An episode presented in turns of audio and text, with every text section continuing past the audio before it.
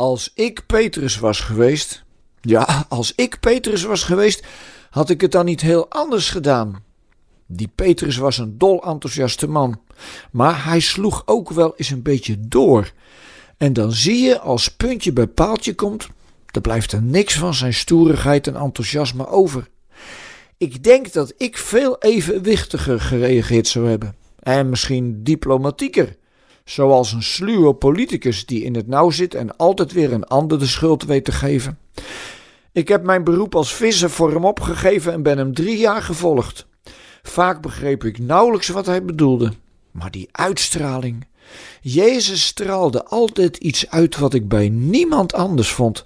Alsof het van een andere planeet kwam. Iets dat wij mensen niet in de vingers hebben. En daar wilde ik graag voor gaan. Maar toen hij gearresteerd werd, stortte mijn hele wereld in. Ik mocht van hem niet eens geweld gebruiken om hem te redden. Dus ik voelde me volkomen machteloos en dan vraag je je soms heel even af of je wel aan de goede kant staat. Had ik niet veel beter gewoon keurig binnen de lijntjes kunnen blijven? Dat had me een boel gedoe bespaard. Maar ja, ook heel veel bijzondere gebeurtenissen. Ik zou niet gezien hebben wat het met je doet als je ziet dat er iemand voor je ogen genezen wordt. Je zou ook niet gezien hebben dat deze man in staat was wonderen te doen. Maar nu is alles kapot. Hij hangt aan het kruis, de zwaarste en vreedste straf van de Romeinen. Een straf die normaal bestemd was voor slaven die in de fout waren gegaan. Ik begrijp er niets van dat de Joodse leiders niet inzagen hoe goed en liefdevol Jezus was.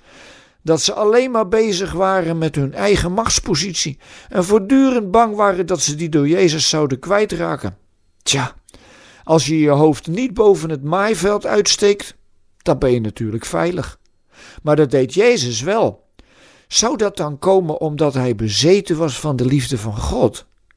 Maar als ze na zijn arrestatie opeens naar mij toe komen om te vertellen dat ik medeplichtig ben, dan wordt het toch wel even anders.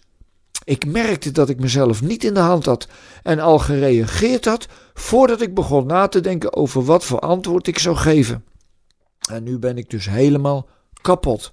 Alles is kapot. Onze vriendengroep rond Jezus en de mensen die Jezus een paar dagen geleden juichend binnenhaalden, riepen nu allemaal: kruisig hem. Zijn idealen dan toch niet bestand tegen de macht? De macht van leiders die zichzelf verwennen en graag de baas willen spelen? Maar Jezus had bij de opwekking van Lazarus gezegd dat wat hij verkondigde eeuwigheidswaarde had.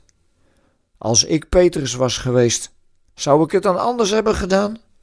Wie kan het antwoord geven?